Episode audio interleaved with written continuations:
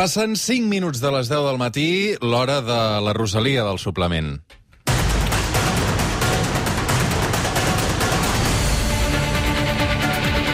L'Hora Negra. Maica Navarro.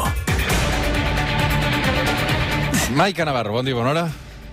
Una mica Rosalia sí que sóc. Veus? Ho veus? Ja ho sabia. Jo Sabia que m'agradaria, no? T'agrada. Escolta'm, tu què en penses Ara- d'aquesta última cançó? Aquesta no és la última, aquesta és la, la versió del Blinding Lights, uh, però, però ahir la que va llançar és la de la Billie Eilish, que... Sí, la, per, per, per la sèrie, no? Per Atmosfera, no? És, uh, Uh, per, Eufòria. Eufòria, per, perdona, Eufòria. No sé, no, no, no l'he escoltat, Una però... mica avorridot, el ara te la posarem. No, no l'he escoltat, però ara, mica de- per ara dormir pensava va bé. quines ganes de ballar. Sí? Tu, tu te, balles bé, tu? Molt bé. Sí? No et falten padrins, tampoc, no, eh, no, veig. no, no, no, però escolta, que jo, sé, jo, jo reconec les coses que faig bé i les coses que faig malament.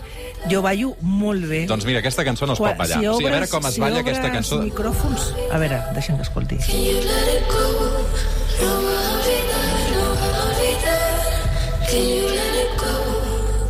Costa, costa. Costa entrar... No, no, és allò que comences a moure el maluc, però no hi ha el moment costa aquell que t'arrambes del tot, eh? Costa, costa. Doncs que no és una qüestió de padrins, ni avis, ni àvies, és que... Balles jo bé i punt. Ballo molt... No, no, puja-li una mica més. Ballo molt bé.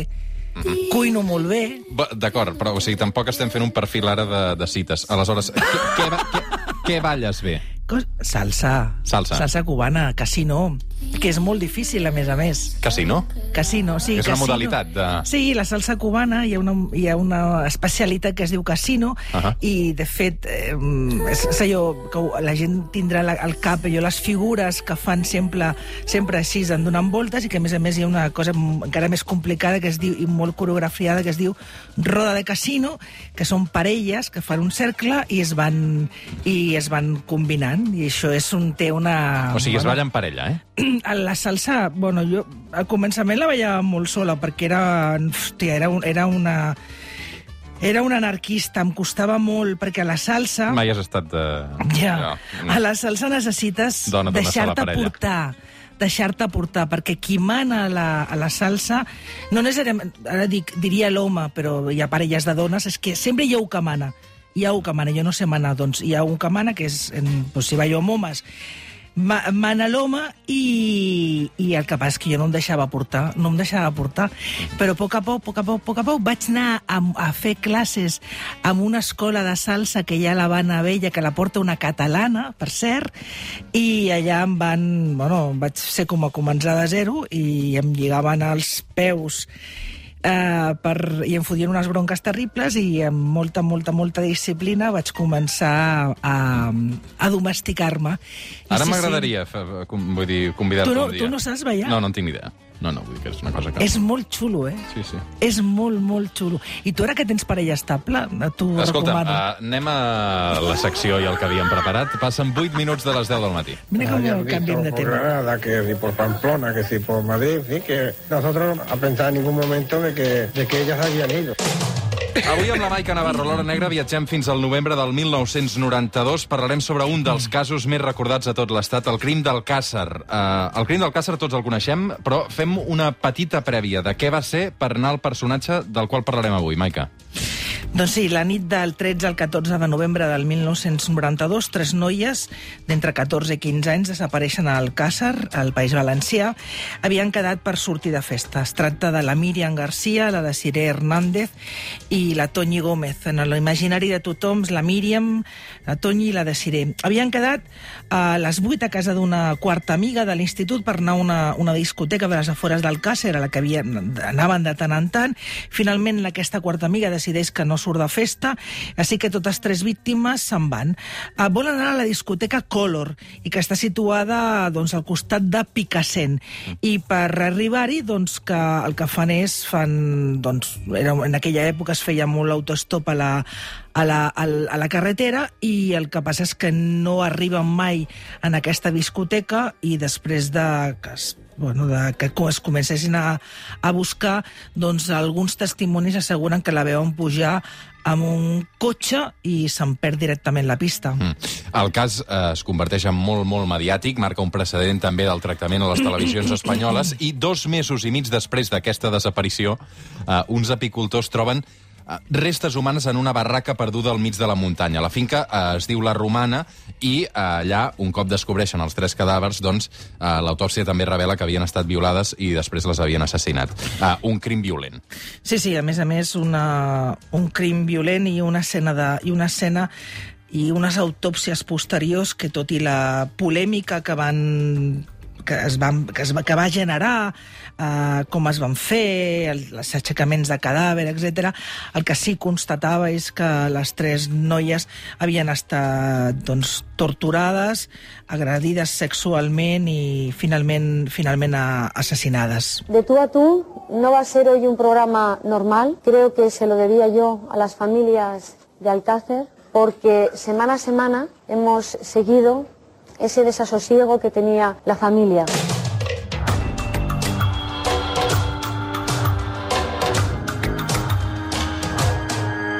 L'aparició dels cossos d'aquestes tres noies, com explicàvem, va simbolitzar d'alguna manera el naixement de, de la televisió escombraria a casa nostra. La Guàrdia Civil um, va continuar investigant, va trobar algunes pistes a la barraca on precisament van trobar uh, aquests cadàvers i de seguida um, va aparèixer un paper, un volant mèdic, no, Maica?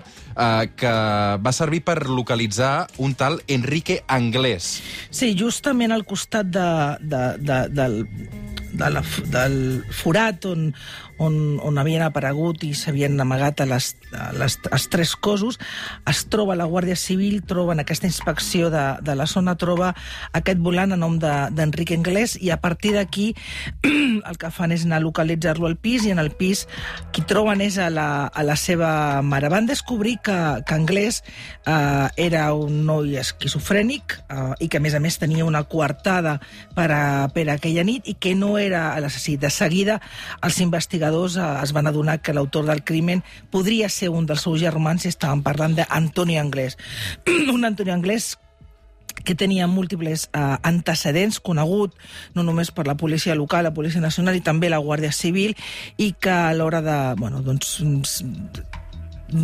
lligant cables el que van, el que van acabar confirmant és que aquests, el segrest, les agressions i la- i havien estat protagonitzats per aquest Antoni Anglès que va poder escapar quan arriba la Guàrdia Civil a, a la casa i per tant no, no, no el van poder detenir, però sí el que vivia amb ell que era el Miguel Ricard.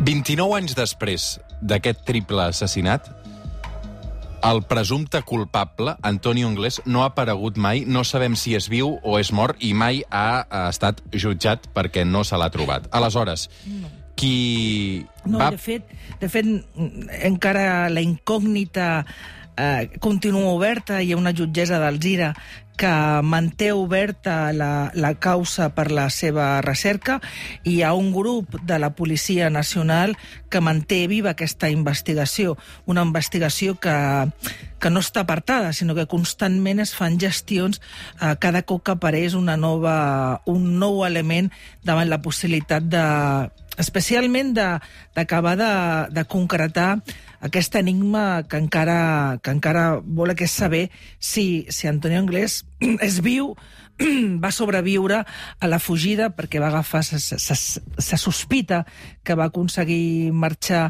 fins i tot de, de, de la península amb un vaixell en direcció a, a Gran Bretanya. Però també diuen, hi ha, hi ha fons que asseguren i alguns testimonis de la gent que viatjava en, aquest mar, en, aquest, en aquesta embarcació que, bueno, que quan el van descobrir com a polissó el van, fotre, el van llançar a l'aigua, altres diuen que tot i que el van llançar a l'aigua va, va aconseguir arribar nedant fins a Gran Bretanya. En qualsevol cas, la Policia Nacional el té en el punt de mira com un dels fugitius més, més buscats i, de fet, hi han retrats robots de com seria ara el seu aspecte tants anys després que estan penjats a les pàgines de, no només d'Interpol i de tots els organismes policials internacionals. ¿Con ese coche fue usted alguna vez ¿A la romana? No. Si vas uno, dos máximo, a lo mejor puedes llegar a, a tirar hasta arriba, pero yendo más, lo haces papilla, propenso a romper el coche.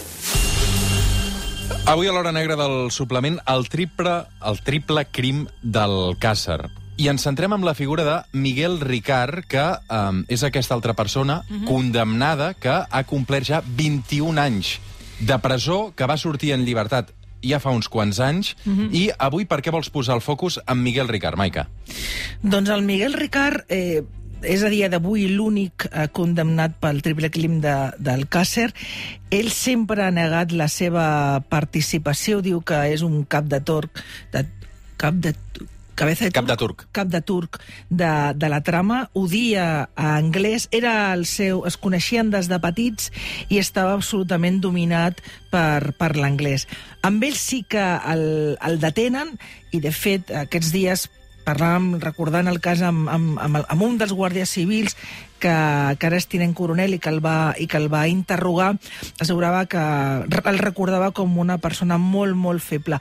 Molt feble, però que en el dia del judici, que és aquest fragment que hem escoltat ara, quan ell negava que amb el seu vehicle es pogués haver accedit fins la finca de la Romana, eh, es va permetre el luxe fins i tot de mostrar-se molt fred, poc empàtic amb el dolor de les famílies i fins i tot les càmeres el van poder gravar doncs, en alguns moments del judici rient obertament. Anglès va ser um, Ricard va ser condenat a 170 anys. Uh, el que passa és que um, sabeu que el Tribunal d'Estrasburg va tombar el que es deia la doctrina Parot i això va suposar fa set anys la, que es posessin en llibertat múltiples condemnats, alguns d'ells amb, amb moltes penes molt altes de, de presó. De fet, ell va, va passar-se 21 anys a la presó, va aquest senyor. passar 21 anys, a més a més 21 anys amb una actitud molt, molt... Ningú el va anar a visitar en aquests 21 anys a la presó, ningú. Això que ell, quan ell és detingut té una filla d'un any que ha anat creixent, evidentment, i que en alguna vegada, en algun moment, algun company periodista, especialment amb el Javier Martínez del Diario de les Províncies, que és un company que fa un seguiment molt, molt, molt detallat de, de tot el cas Alcácer, ella l'havia manifestat la seva voluntat de trobar-se algun dia amb el seu pare perquè li expliqués cara a cara si, si ell va tenir alguna cosa a veure amb el crim. En qualsevol cas, eh, va ser 21 anys molt tancat a les cel·les, sense gairebé, sense comunicar-se amb ningú, i només quan es va, va saber que quedaria en llibertat, bueno, amb aquesta compta enrere va, bueno, es va començar com a reactivar. Queda en llibertat el novembre del 2013 i a partir d'aquell moment se li fa un seguiment eh, mediàtic, especialment les primeres setmanes, que ell bueno, provoca doncs, una, un recorregut que el tenim molt, molt, molt documentat. Avui el, el reprodueixo amb algunes lagunes que faltaven a, a, l'edició de, de La Vanguardia i el que fa és bueno, surt de la presó darrere de la Manxa i allà l'esperen multitud de, de periodistes. Ell surt amb la cara completament tapada, amb un passamuntanyes negre, perquè no, no vol que la gent tingui al cap el, el seu nou aspecte, intentarà passar desapercebut. Surt cobrant una pensió que cobra, eh, manté a dia d'avui, de prop d'uns 500 euros, i, amb, I el que fa és, bueno, surt, eh, agafa un taxi, se'n va a l'estació de, de tren més propera i allà eh, aconsegueixen pujar al tren dos companys de dos programes de televisió, de Espejo Público i el programa la Rosa Quintana. Ell en un principi diu que no vol parlar, finalment eh, acaba aconseguint una entrevista de gairebé 50 minuts. Una entrevista que quan es coneix que ell ha donat, que, que s'ha produït, hi ha una campanya m- m- molt gran a les xarxes socials explicant la gent queixant-se de que no se li pot donar veu amb un home que ha estat condemnat per un crim tan, tan espantós i finalment cap dels dos programes emet aquesta entrevista que s'havia fet en el tren. Ell el que diu, i a més a més un dels periodistes que, que l'entrevista és Sergi Ferrer i també aquesta setmana parlant amb ell per aquest reportatge el, el que m'explica és que mm, recorda perfectament eh, de fet és capaç fins i tot de, de reproduir literalment alguna de les frases de, del Ricard i el, el que sempre el que li va explicar el que va explicar ell és que, bueno, doncs que no tenia res, res a veure, que mantenia la versió que havia donat en el judici, que tot era una, una trama de, de l'anglès i que, i que a més a més sentia i tenia molta empatia pel dolor de les, de les famílies. D'allà se'n va uns dies a Madrid, de Madrid eh, arriba amb autobús a, a Barcelona, a l'estació del Nord, passa un parell de dies amb una pensió a prop de, de l'Arc del Triomf. Aquí, quan està a Catalunya, eh, els Mossos d'Esquadra li fan un seguiment bastant... Bueno, de, és un home que ha complert condemna, però es, es generava, s'anava explicant quasi minut a minut per on parava i això estava pro provocant molta, bueno, molta agitació social. La gent tenia por de, de que sobte saber que estava Miquel Ricard estava a prop en el seu barri o a la seva ciutat. I això provocava doncs, que Mossos d'Esquadra en aquell moment eh, una parella segueixis les seves passes de manera doncs, discreta. En aquesta voltants de l'Arc del Triomf, amb una perruqueria xinesa del barri, es fa rapar el cabell i afaitar-se per intentar canviar d'aspecte, passa per un parell de dies, ja et dic, per unes pensions, camina per la carretera nacional direcció al Maresme.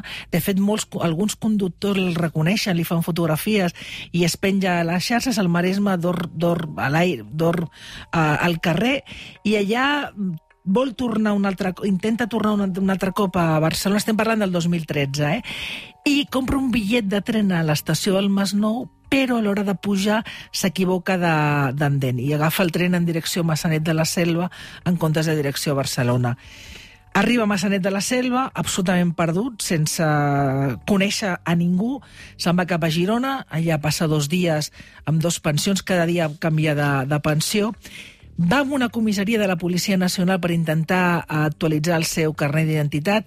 Això és una informació que en el seu dia publica la Tura Soler perquè, de, del punt diari perquè ja el que els policies es queden sorpresos i el que li expliquen és que, primer, que no té cita prèvia i segon, que el seu DNI no només està caducat, sinó que és del model antic i que, per tant, necessita molta documentació per, per renovar-lo i, per tant, que no pot.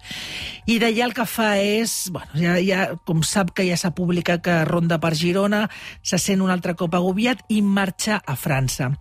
A França eh, algunes veus l'ubiquen en una, en una entitat religiosa del sud de França que l'haguessin ajudat. El que sí està confirmat, i és el que és una informació que, que aportem de, de nova amb aquest reportatge que et comento de La Vanguardia, és que la Policia Nacional rep dels seus companys, dels seus col·legues francesos, la ubicació d'Antonio Anglès a, al sud de França. A diferència de, de l'estat espanyol, allà aquests mm, delinqüents, tot i que ja hem complert condemna, però amb un passat amb agressions sexuals i amb assassinats tan importants, sí que es porta una mena un control més, més exhaustiu que potser aquí a l'estat espanyol, que és bastant més complicat de fer-ho. A no ser que un jutge t'ho demani o t'ho ordeni. I el que fa la Policia Nacional en aquell moment, un grup d'investigació, és mitjançant un, una tercera persona fer-li arribar un missatge de si vol eh, xerrar amb ells. L'únic interès que tenia la Policia Nacional en aquell moment, insisteixo, és 2013, és preguntar-li cara a cara si en, si en tots aquests anys, 21 anys, l'Antonio Anglès eh, s'havia intentat posar en contacte amb ell a la presó o en aquests últims mesos que, que estava lliure. És improbable que, que Anglès es vulgui posar en contacte amb Ricard, però davant la importància del fugitiu i no podien tancar cap via. A l'anglès, el Ricard, el que fa arribar a la Policia Nacional és que no té cap interès ni de reunir-se amb la Policia Nacional i molt menys de parlar d'Antonio Anglès i que si en algun moment es posés en contacte amb ell és que, vaja, directament li penjaria el telèfon, però que tampoc té, que, té cap intenció de col·laborar amb la Policia Nacional. Se li perd literalment la pista fins la setmana passada. Aleshores, la setmana passada aquest senyor torna a estar d'actualitat bàsicament perquè la policia espanyola l'identifica en una casa ocupada del barri de Carabanchel de Madrid. Per què es l'identifiquen? Per què és notícia aquest senyor? Si, a més a més, ja ha complert la condemna, no? Bueno, és notícia perquè és Miguel Ricard, és notícia perquè feia set anys que mm, no se sabia absolutament res, i és d'ell, i és veritat que no, no, ningú ha de saber on està i què fa un home que ha complert condemna, això és, és, és així. Però, bueno, ell sempre serà Miguel Ricard, acusat, condemnat pel tri- l'únic condemnat pels triple crim de, del Càcer, tot i que ell sempre ha negat cap responsabilitat en la mort de les, de les nenes. Fa la setmana passada, divendres al vespre, una parella de la Policia Nacional de la comissaria de Carabanchel entra en un narcoedifici en el que van molt sovint perquè tenen problemes amb els veïns i fan una, bueno, un, un, un operatiu d'identificacions que el que intenta és una mica pressionar la gent que accedeix al narcoedifici i de tant en tant doncs, troben que hi ha gent que té alguna ordre de recerca i captura i bàsicament pressionar. Para una parella, una toxicòmana coneguda de la zona que li diuen Sarai, bueno, la pèl roja, i a, que anava acompanyat d'un home que portava un, un, una granota d'aquestes de manteniment de color blau. I, bueno, els hi demana la documentació. I quina és la sorpresa de la parella, especialment d'un d'ells, que és de major edat que el seu company, i que quan veu Miquel, Miguel Ricard a Tàrrega, eh, l'identifica immediatament i li pregunta, ostres, ets el Miguel Ricard, Miguel, Miquel Ricard? I ell diu que sí, sí, o sigui que en cap moment se n'amaga, li escorcollen, no porta res a sobre, ell diu que només ha vingut a acompanyar a la seva amiga que anava doncs, a comprar el que, el que anés a comprar, a comprar droga, i que només venia a acompanyar-la. I fan una consulta a la sala de la identificació, evidentment, bueno, no té cap cosa pendent i el deixen anar. Altres companys, de, alguns companys de Madrid, com per exemple la Cruz Morcillo de l'ABC, va tornar dos dies després a, en aquest narcoedifici i el, va poder parlar amb algun de, dels ocupants i van dir que, que, bueno, que Miguel Ricard sí que el tenien, que no era la primera vegada que, que el veien, sinó que, que, era, que feia com, aproximadament feia un mes que es deixava caure per allà acompanyat d'aquesta dona i que, i que, per tant, la sorpresa és que ara, doncs Miguel Ricard, com, com a mínim fins la setmana passada, eh, ha reaparegut a, a Madrid. Tu creus que 29 anys han passat, eh, del triple crim de, Sí, del Càcer? Tu sí. creus que Miguel Ricard continua amagant secrets? Sí, a veure, ell no té res a veure la primera declaració espontània que fa a, a la Guàrdia Civil quan és detingut i en el que admet tota, admet tota la seva responsabilitat, tot i que ell sempre s'escuda en que es va deixar arrossegar per l'anglès, després en el judici i a dia d'avui nega qualsevol participació en el cas i el que ha fet és, ell, ell és conscient que sempre hi ha tot una una aureola de misteri envoltada que envolta el cas Alcàsser, que en el seu dia va estar, va estar avivada doncs, per programes de televisió, criminòlegs, algun familiar d'una de les víctimes, i el que ell és doncs, pujar-se aquesta aquesta mm, teoria que, el, que, el, que, bueno, que, que juga en el seu favor i dir que, bueno, que ell no tenia absolutament res a veure i que no es va investigar bé. Els investigadors del cas Alcàsser diuen que el judici va ser impecable i que potser, evidentment, no va haver-hi una bona inspecció de, del, ni, com a mínim de l'escenari del crim, perquè hem de recordar que, i això hi ha un documental a Netflix fantàstic que recull com treballaven, es treballava al moment, perquè fa quatre dies van trobar encara un dit d'una de les víctimes allà on havia aparegut el cadàver, Déu-n'hi-do. 29 anys després.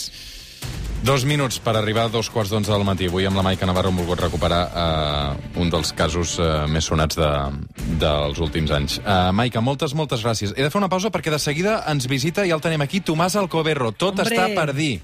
Uh, un llibre meravellós a cura Sí, de, del Plàstic García Planes per repassar la trajectòria del Tomàs, uh, del Tomàs Alcoberro i transportar-nos, evidentment, a, a Beirut amb tota una història de Bon vida. viatge. Uh, callarem i escoltarem aquesta propera mitja hora. Gràcies, Maica. A vosaltres. Fem una pausa i Tomàs Alcoberro al suplement. El suplement, amb Roger Escapa.